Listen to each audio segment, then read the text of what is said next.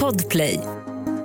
Förlåt, det är så nonchalant när man hör men inte lyssnar. Och sen bara inte, berätta mer om din trädgård. Nej, det är lugnt. Egentligen är jag jätteintresserad av trädgård. Skulle gärna prata om det. Men det är ju, nu är Jag det, föreställer mig att det är så super ja, liksom, ja, nu är det frodigt. tropisk regnsäsong. Nu kan man knappt odla för att det är så varmt och så mycket regn. Mm.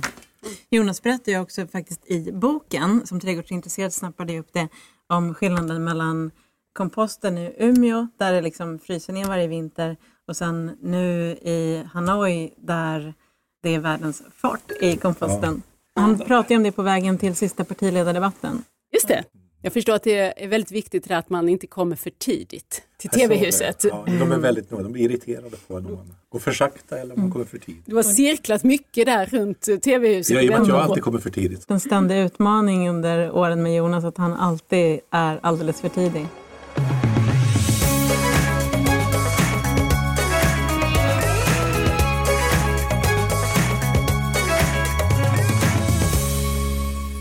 Allt kommer att bli bra. När hörde du någon offentligt påstå en sån sak senast? Det är vår tids kanske djärvaste titel som den har fått. Tidigare vänsterledaren Jonas Sjöstedts memoarer. De här har han skrivit tillsammans med sin mångåriga kollega Jessica Nord och båda två är mina gäster här idag. Så välkommen till avsnitt tre av Samtal om böcker. Vi har nya avsnitt varje lördag eller redan på fredagen om du ser till att skaffa den här gratisappen Podplay.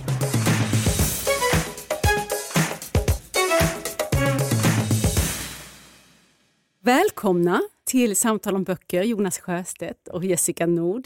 Du Jonas är ju på sommarbesök här i Sverige, för du bor ju annars i Vietnam numera. Ja, och jag ska åka hem till Hanoi här om några veckor. Jag vill ju väldigt gärna vara med när boken kommer ut Såklart. och se vilka reaktioner det blir och prata med de som vill prata med oss. Mm. Och Hanoi bor du i eftersom din fru Ann Måwe är Sveriges ambassadör. Så där. är jag medföljande och vi har två barn tillsammans. Vi bor där. Och eh, Hanoi är en väldigt, det är en fin stad, spännande stad. Det är mycket träd, det är mycket sjöar, det är mycket små gränder där man säljer gatumat. Och du har akklimatiserat dig då låter det som. Ja, Vietnam är också intressant därför att de har ju en rik egen litterär tradition. De, eh, det ges ut mycket poesi, har väldigt hög status i Vietnam till exempel. Men det är också ett land där det finns en censur. Så att en del av de främsta vietnamesiska författarna kan man inte läsa i Vietnam. Har du smugglat in dem? Ja, det är klart att vi har böcker där. Jag har läst både Roman utan namn och Sympatisören och andra böcker också som jag tycker säger väldigt mycket om landet, men som man inte kan köpa i Vietnam. Nej. Det här nya livet i Vietnam, det tog ju verkligen fart då när du hade lämnat partiledarposten förra hösten 2020. Och så Jessica, du var ju Jonas eh, pressekreterare under de sex sista åren han var ordförande. Men du är ju i allra högsta grad kvar i hetluften får man säga, för du är ju nu pressansvarig för efterträdaren, Nooshi Dadgostar. Ja, men, och det är väl hetare än någonsin just nu med det här dallrande politiska läget som vi har inför höstens budgetomröstningar i riksdagen, tänker jag. Ni verkar nästan göra er beredda på duell i gryningen, Vänsterpartiet. Eller det kommer bli en spännande höst. Men vi ska försöka avhålla oss från det här nuläget och istället titta i backspegeln. För det är det som man gör när man skriver memoarer och det är det som ni har gjort tillsammans. Föreställer mig att det har varit ett intensivt skickande av texter mellan Huddinge och Hanoi.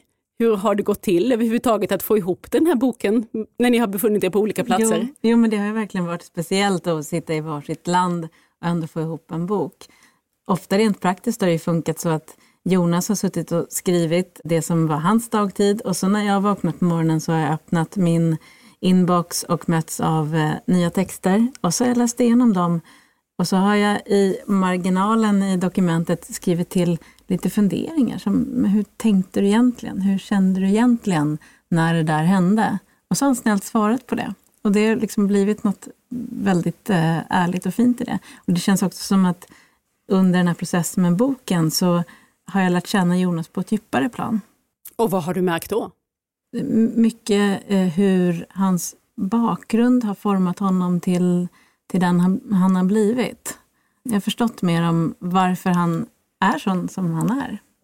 Och den långa berättelsen om det finns ju i boken. Här finns upptakten och de första stegen in i politiken också. Men vi ska ändå säga att den största delen av den här boken handlar ju om de åtta åren som partiordförande, alltså från 2012 till 2020. Först då med Reinfeldt och alliansregeringen som oppositionspart och sen då två regeringar med Löfven och Miljöpartiet som vi ju som bekant fortfarande har. Och det har också varit ganska mycket av en oppositionsroll, förstår man om man läser boken. Ett pendlande mellan att stötta och opponera. Ja, man kan säga att mellan 2014 och eh, 2018 då hade vi ett nära budgetsamarbete med regeringen. Eh, men det blev också tydligt ju längre tiden gick att eh, Stefan Löfven och socialdemokratiska ledningen, de ville helst regera med Centerpartiet och Liberalerna. Och det är klart att en del av det som vi då ville göra, fördela om för ökad jämlikhet eller ta bort den här privata vinstjakten i välfärden, det passade inte alls in i det. För att det, hans långsiktiga projekt var att gå högerut. Och ur det här kom ju då en hel rad politiska konflikter. En del av dem har varit kända förut, en del berättar vi om för första gången i boken. Och den här vardagen med de här konflikterna, maktkamperna, förslagen, förhandlingarna, det, det tar ju en stor del av boken under den här tiden. Sen kommer ju då Socialdemokraternas möjlighet att gå högerut och då sluter de det här januariavtalet där man märkligt och unikt nog pekar ut att man ska liksom frysa ut Vänsterpartiet från politiskt inflytande. Det går Socialdemokraterna med på. Och sen handlar det mycket om hur vi sätter det ur spel. Genom en del okonventionella metoder där vi, där vi ibland gör upp med moderater och kristdemokrater och annat också.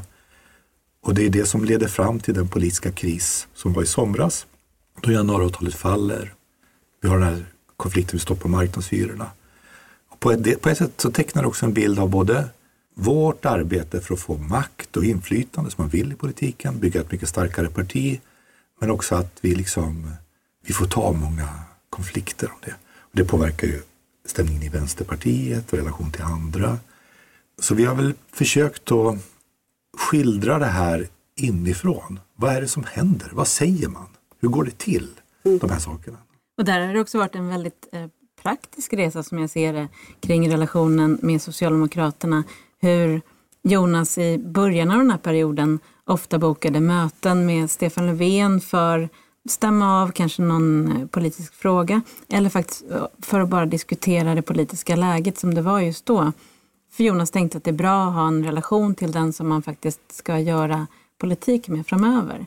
Det, det fanns ändå en pågående kontakt där till, som vi beskriver, de senaste veckorna som partiledarna där var, var ju ni inne i öppna gräl, du och Stefan. De sista veckorna. Ja, vi kan mm. återkomma till det, för jag tänkte ändå börja där jag föreställer mig att ni måste ha börjat och som alla människor som ger sig på att skriva memoarer eh, måste börja, nämligen att man ställer sig frågan hur ärlig kan jag vara och när kan jag berätta vad? Och hur gick era tankar när ni startade det här projektet? Det är ju nyss avsvalnad historia som vi har att göra med och som ni sa, där du slutade där är vi ju fortfarande i svallvågorna med sommarens regeringskris. Nej men mitt min eh, ingång var att jag hade inte tänkt att skriva några memoarer. Jag var ganska skeptisk. Jag var skeptisk till eh, om man kan göra det rättvisa. Jag var skeptisk därför att jag tycker att ibland så blir memoarer försvarstal eller att de blir väldigt präktiga. Jag blev vald till elevrådsordförande när jag var 12 år sedan har det bara gått uppåt. Liksom. Och så ser inte livet ut, inte i politiken heller. Så jag hade inte tänkt att skriva. Men eh, så en morgon när jag satt i min lilla övernattningslägenhet som man har som riksdagsledamot. Då kom liksom plingade till i inboxen. Och så kom det ett mejl från Jessica och så stod det att jag har tagit lite anteckningar ifall du skulle vilja skriva om din tid som ordförande. Och så började jag läsa. Så läste jag och så läste jag. Så var jag. Det var ju det som hände. Och det blev lite omtumlande. Här fanns någon som faktiskt hade gjort anteckningar om massa situationer och dialoger som jag inte kom ihåg på det tydliga. Alltså jag, när jag läste dem så mindes jag ju dem. Så gick jag och verkte på det där lite och sa till Jessica att det är en halv bok och kanske ska jag skriva den andra halvan. Och där började det. Jag är egentligen också lite chockad över att vi sitter här idag och det har blivit en bok. För att för min del så började det här som en slags dagboksanteckningar där jag bara väldigt ärligt och osensurerat skrev ner vad som hände om dagarna. De här hemliga samtalen, mötena som man hade, allt det där som man inte kunde berätta där och då när det hände. Men sen när Jonas skulle sluta så, så tänkte jag att någonstans kanske det är synd att folk inte ska få höra om det här, för det är ändå en viktig historia som, som finns där att berätta.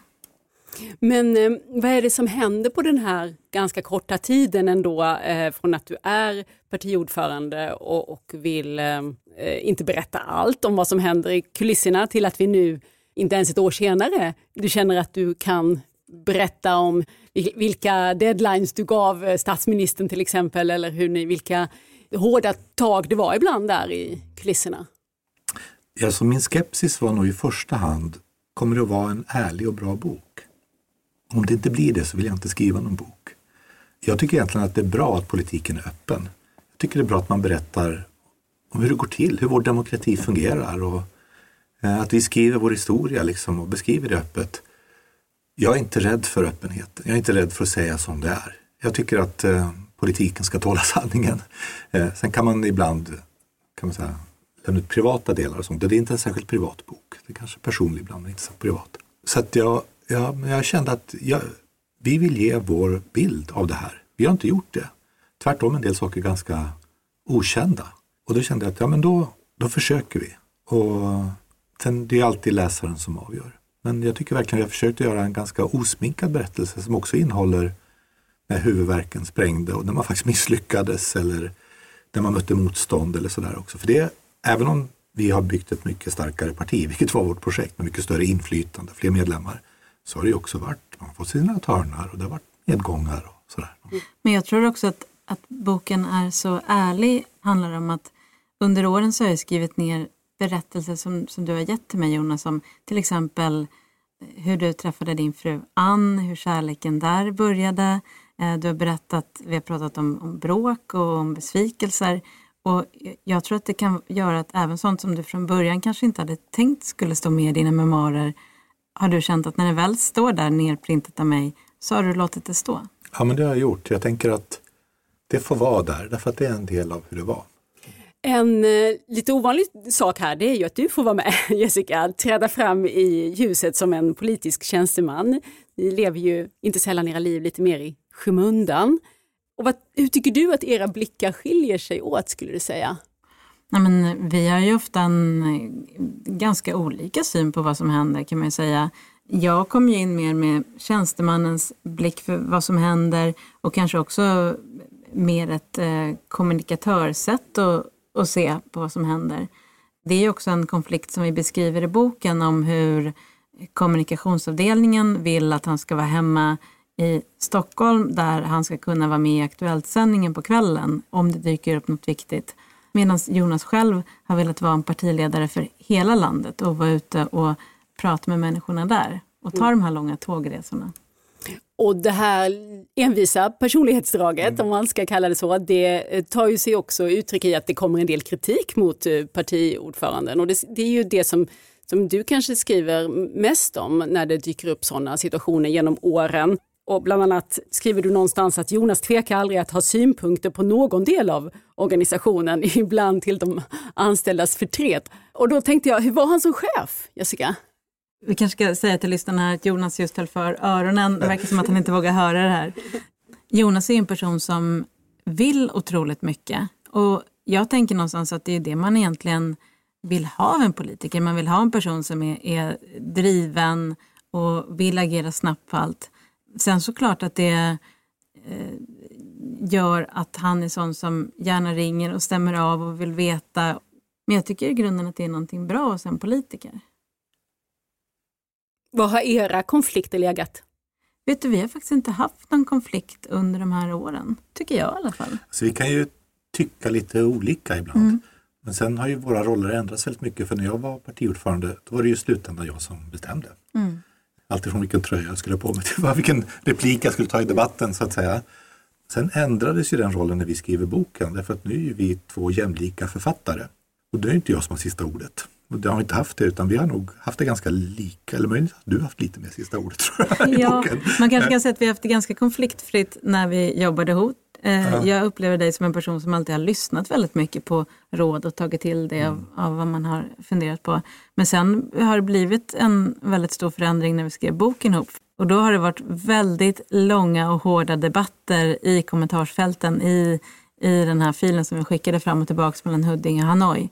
Men det har ofta rört ganska konkreta saker som ska, ska vi skriva ner eller ned. Det är rart att ni gör redaktörens jobb. Ja, till slut fick vi ha redaktörn som skiljedomare för ja. ner och ned faktiskt. Men ska vi säga vem som har vunnit i båda de här fallen som jag drog upp? Du vann. Ja. Ett poddtips från Podplay.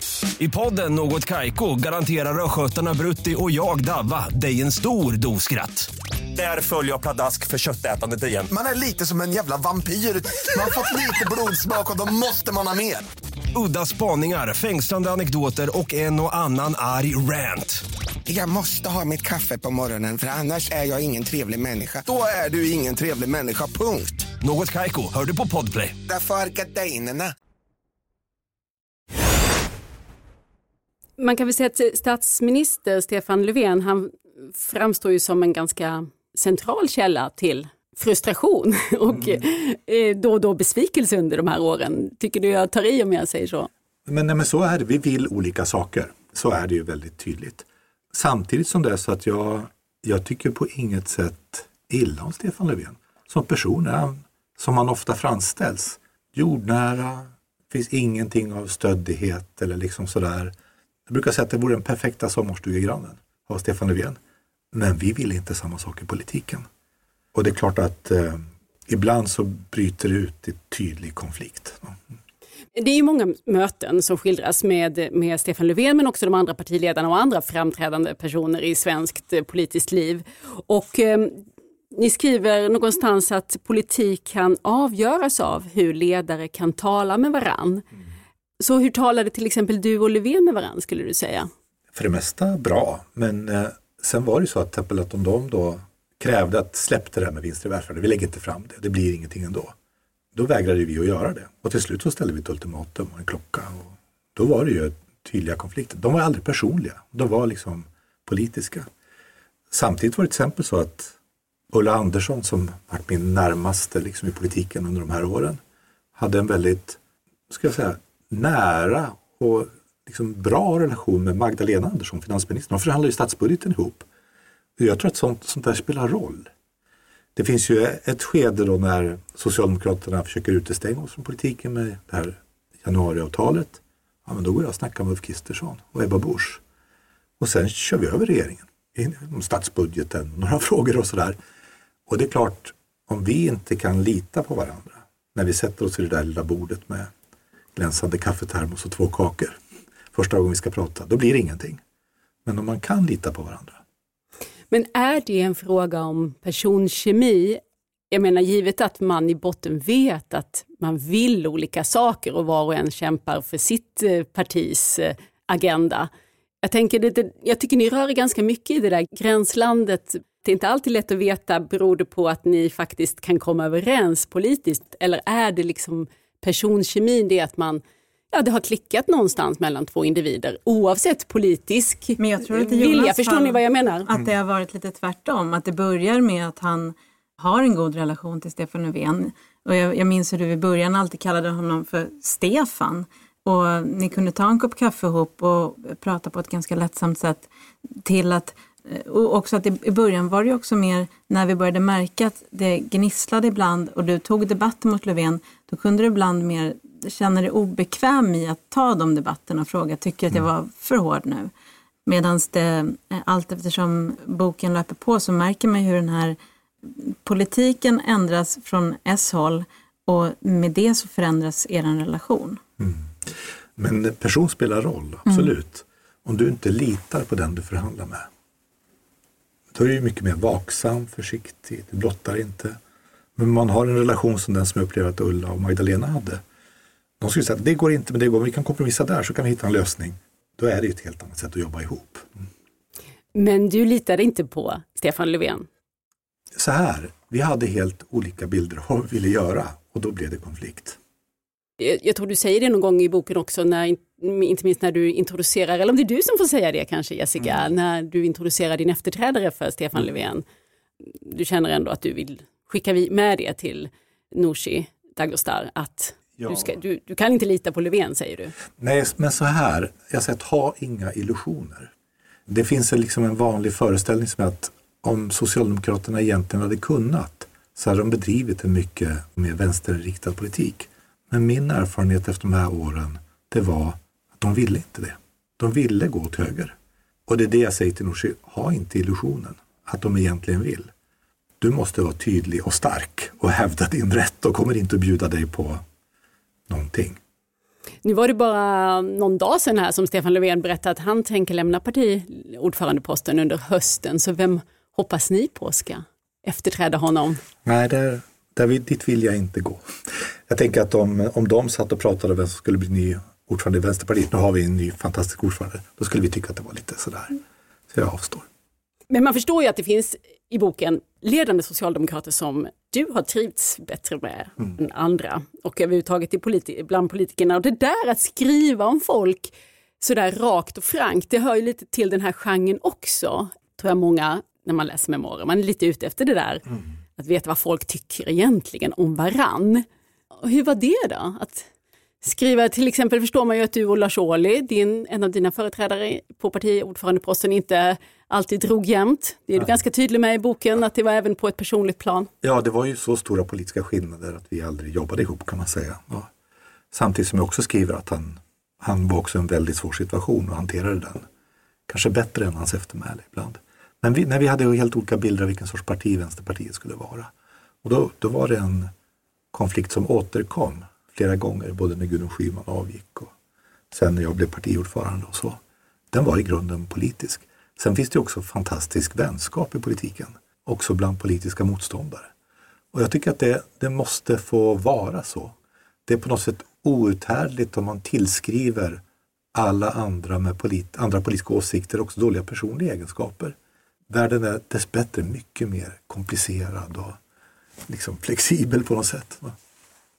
Så du tror inte du har skaffat dig några nya fiender med den här boken? Inga nya. Nej, det är, det är de gamla, ja. de fast anställda fienderna som, ja. som äh, återkommer. Ja.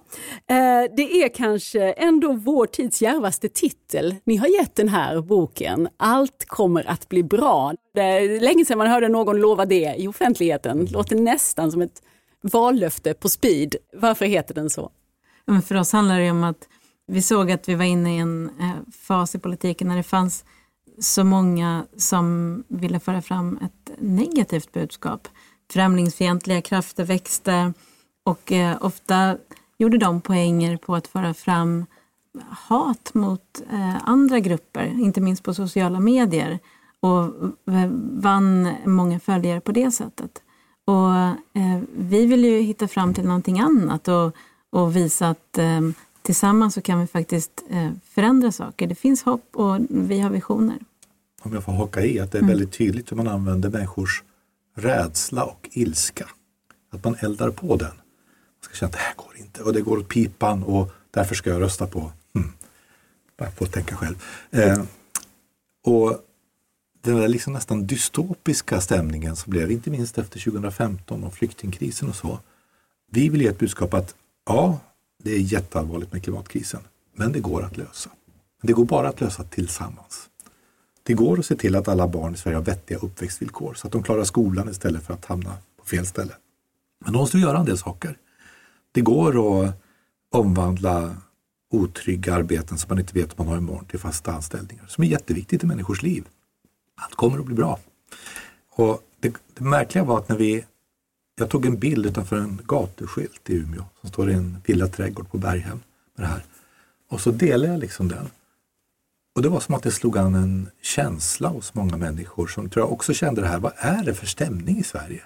Vad är det här liksom uppgivenheten och ilskan och undergångsstämningen? Jag vill stå för någonting annat. Så det där bara spred sig. Det där, allt kommer att bli bra. Jag såg det liksom på anslagstavlor och skärmsläckare och liksom så. Och då tänker jag att det där är ju Vänsterpartiet. Det finns hopp, vi måste göra saker, men det går. Men nu ser vi den här boken på bokdiskarna samtidigt som vi vet att vi har en väldigt skakig eh, parlamentarisk situation. Är det Vänsterpartiets ingång även inför höstens budgetförhandlingar att allt kommer att bli bra? Eh, jag deltar ju inte i dem, jag har inget med dagspolitiken att göra. Men som vänsterpartist Ja, men det har hela tiden varit vår ingång att vi vill vara med att ha inflytande. Vi är beredda att sätta oss ner och prata och göra upp och se till att Sverige kan styras och få igenom saker som vi tror på. Det är ju vår själva utgångspunkt. Men vi köper inte att man struntar i oss när man behöver oss. Ett poddtips från Podplay.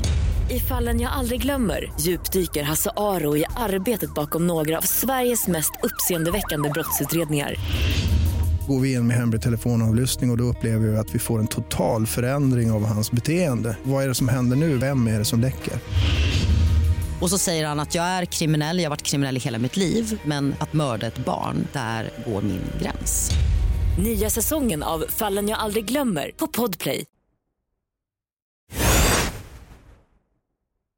Jag läste i tidningen idag, senaste, följer du fortfarande opinionsmätningarna? Det gör jag. Eh, Miljöpartiet hade, har vunnit en del på den varma sommaren var slutsatsen, men ni låg på 11 procent idag. Så det är ju bättre än valresultatet. Är det en del av den här positiva känslan? Nej, men vi, det finns ju, tycker jag, två underliggande berättelser i boken.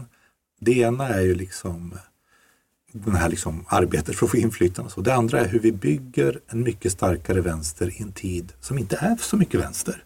Men vi gör det. Och vi mäter ju det sånt som att vi kanske har tre gånger så många medlemmar idag. Eller att många fler tycker att vi är vettiga och värda att lyssna på och sådär. Och det var ju det vi ville. Och det är ett hantverk. Man gör det genom att ta reda på vad är vårt problem? Vad gör vi åt det? Hur ska vi få tycka att människor som går på ett vänsterparti tycker att wow, det här var ju jättekul och så mycket folk det var istället för att känna att oj, det där var inte så bra. Och vi fattar ju det när vi har, jag tillträder och vi är liksom en grupp människor att vi ligger inte så bra till. Vi behöver rycka upp oss eh, och så gör vi det. Och så beskriver vi det inifrån hur vi gör det. Mm. Och det där när vi börjar växa och bli lite större på sociala medier kring inte minst där allt kommer bli bra-budskapet. Det var en så märklig tid. För jag minns hur vi, vi var i en sån total uppförsbacke medialt. Vi var ofta det partiet som syntes allra minst i media. Men samtidigt i medieskuggan så hade vi de här stora mötena som lockade hundratals. Eh, men det skrev man inte om i riksmedia. Och vi tittar ju mycket på vad vänstern har gjort i andra länder. Vi pratar om Bernie Sanders och Momentum i Storbritannien, Spanien, Frankrike, Grekland. Och vi såg att det finns ju en kod, det finns ju någonting som vi kan ta med hem till Sverige. Och vi kan göra oss, inte helt oberoende av media, men ganska så. Vi kan nå våra väljare själva. Vi kan samla tusentals människor. Och vi kan prata med dem över de sociala medierna och nå dem. Och då är vi inte lika beroende längre av eh, det här vanliga. Vi, vi, vi bygger upp en egen styrka, liksom, en egen rörelse med människor. Man känner tillhörighet och man tycker det är kul och kulturprogram och all, all, allt sånt där. Och det där är ju ett annat sätt att tänka politik än bara där riksdagen och presskonferenserna och mötena. Mm. Och det här arbetet det är ju, och de tankarna bakom det strategiarbetet som det ju också är, det får man ju följa på sin vardagliga nivå i boken. Och jag tänker att eh, på så sätt så kan det ju fungera som en ehm, inspirationskälla för de som vill jobba politiskt, inte bara intresserade av eh, vad du sa till Stefan Löfven egentligen, det kan man få veta nu, men man kan också då ta till sig det här. Och då tänker jag, läser ni själva politiska biografier och memoarer för att hämta inspiration? Har ni haft några sådana förebilder i det här arbetet? Ja, men absolut. Jag tycker det finns många fina politiska memoarer där ute. Jag tycker i och för sig att någon, någon av de bästa som skrivits, det är faktiskt en biografi av eh, Björn Häger som heter Uppdrag Bildt. Det är en ungefär 500 sidor tjock tegelsten där han reser runt i Bildts fotspår och försöker få till en intervju med honom. Och under hela boken så lyckas han aldrig. Eh, men han, det han lyckas med däremot beskriva Bildt och eh, hur han beter sig gentemot media och gentemot sina medmänniskor. Har du någon politisk eh, memoar som du skulle vilja tipsa om som har varit betydelsefull för dig? Ja, eh, Jag har ju läst en del. Jag läste en Kinbergs Batra till exempel. Den tycker jag präglas av eh, tillbakahållen vrede. Ja, det tycker jag är ganska intressant att hon inte fick chansen. Eh, sen tycker jag att hon kanske inte, hon är ganska försiktig när hon skildrar en del saker. Den är också skriven ganska tätt in på Ja, händelserna. men, men det där lyser igenom så tydligt så att den blir intressant. Sen läste jag också en bok som inte är en strikt memoar men som Ali Esbati som sitter i riksdagen skrev om Utöja. Och det är en blandning mellan hans upplevelse av terrordådet och en politisk analys av det samhälle som gör sånt möjligt. Den berörde mig djupt, det gjorde den. Mm. Den är ju jättefin. Men jag tänkte på när jag läste den att jag tycker den, jag, jag har lite svårt att inte jämföra den med våran bok för jag tycker båda å å ena sidan berättar ett levnadsöde men också kopplar det till samhällsutvecklingen som pågår under tiden. Har du fått syn på någonting kring dig själv när du har gått igenom de här åren och ändå skrivit om ditt arbete så här ingående? Absolut, jag kan ju se hur jag har förändrats. Och kanske också vågat vara mig själv mer i politiken. I, även i de här ganska stressiga situationerna som är partiledardebatter och pressträffar. Att jag på något sätt hittade ett lugn med åren. Där jag var ungefär som jag var. Och det var väldigt skönt att upptäcka att det går bra. Det kanske det går bättre. Folk eh, tycker att det är helt okej. Jag kan vara som jag är. Jag behöver inte liksom styla till mig eller göra om mig eller sådär så mycket. Utan jag, jag får låta det. Jag får visa vilken personlighet jag har. Och sen det tangerar lite grann det som är tidigare. Jag vet ju att jag tidigare har haft för stort kontrollbehov. Så det har jag medvetet jobbat med att minska steg för steg. Att inte fråga så mycket vad alla gör utan lita på att man ger människor förtroende. Det blir bra. Det blir inte alltid som man tror, men det blir nästan alltid bra. Mm. Finns det någonting du ångrar? Ja, det gör det. Dels så tycker jag att man kan göra allting bättre, men det finns ju också en del saker som är smärtsamma. Under min tid som ordförande så var det en partimedlem som var på uppdrag av vår internationella stiftelse som, som blev skjuten. Han blev dödad. Jag skulle ge mycket för att kunna vrida tillbaka den klockan. Det var ju i och för sig svårt för dig att kunna förutse det, eller tänker du att du borde ha kunnat? Nej, det, det kunde jag kanske inte. Jag visste inte om det. Liksom så. Men det är klart att det finns en del saker som ligger kvar i och sen det gör det bara. Jag tänkte avrunda med en liten fråga som jag tände på, för jag såg att, ni hos Selma Story ska svara på frågan hur man förverkligar sina drömmar. Och att det här kommer man kunna se på Selma Storys Instagram. Uh, Vad underbart att ni kan kunna ge tips om det. Och Du Jessica, har du varit i närheten av att förverkliga dina drömmar? Jag tycker det har varit jätteroligt att få skriva och ge ut den här boken. Är det liksom en dröm för dig att få göra det? Ja, men som barn så var en av mina första tankar att jag skulle bli författare. Men sen så blev jag väl sådär istället för, för att vara fem år och vilja bli författare så blev jag sju år och så fick jag höra att det är svårt att liv, la- livnära sig som författare. Och då tänkte jag att äh, men jag får bli journalist istället. Och det blev jag ju eh, som ett nästa mål.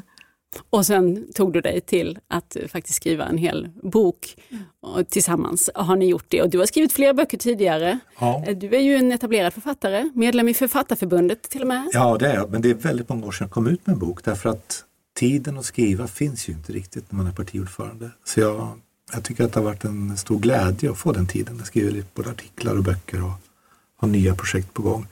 Och det är ju på ett sätt svårare än politiken. Därför att eh, ja, den kommer ut och sen är det helt upp till andra hur de bedömer den. Och det vet man inte hur det blir. Det kommer, de kanske tycker att det var det värsta piece of crap jag sett. liksom, eller de kanske tycker att det var, det var en fin bok på något sätt är politiken mycket mer, där tycker man olika saker. Det är ju helt okej. liksom. ja. Men det här är lite mer utlämnande på ett sätt. Har du förverkligat dina drömmar? Eller någon av dem? Nej, men du vet, jag tycker att jag är en lycklig människa. Jag har barn och jag får göra spännande saker. Jag har fått vara med om det här att vara partiordförande. Nu får jag skriva en bok. Jag liksom, nej, men det, är, det är ju jättebra. Jag tänker att du har mycket tid att skriva nu. Ja, Är det det som händer? Ja, det är det. Jag skriver varje dag nästan. Tycker, Vad skriver du då? jag skriver artiklar. Jag kommer att skriva fler böcker och essäer. Dels är det det jag vill göra. Sen kanske inte vore helt lätt att få jobb som svensk före detta partiledare i corona som Vietnam. Så det är bra att jag, jag har det här också. En roman kanske? Vågar jag det? Det känns som det absolut svårare att jag cirklar runt det. Vi får se. Ska du skriva någon roman Jessica? Ja, men jag känner att jag har fler böcker i mig. Vi får se eh, när det blir av. Hur som helst, allt kommer att bli bra. Det blir det. Det är så ni ser på det och det är så boken heter om den politiska tid som ni har delat, framförallt tiden under ditt ordförandeskap som partiledare för Vänsterpartiet. Men boken har ni skrivit ihop. Tusen tack Jonas Sjöstedt och Jessica Nord för att ni kom hit. Tack för att vi fick komma. Tack.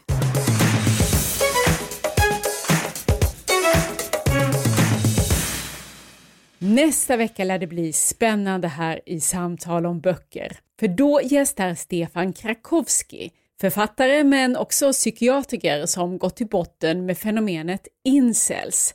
Så heter också boken han skrivit om ofrivillig ensamhet och en mans roll i kris.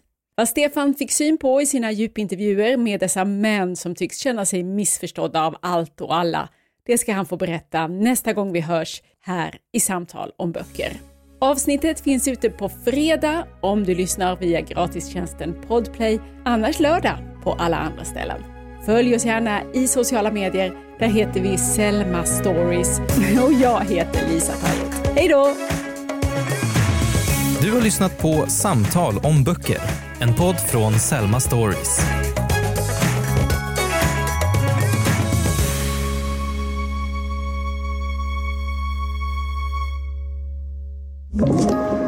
Podplay.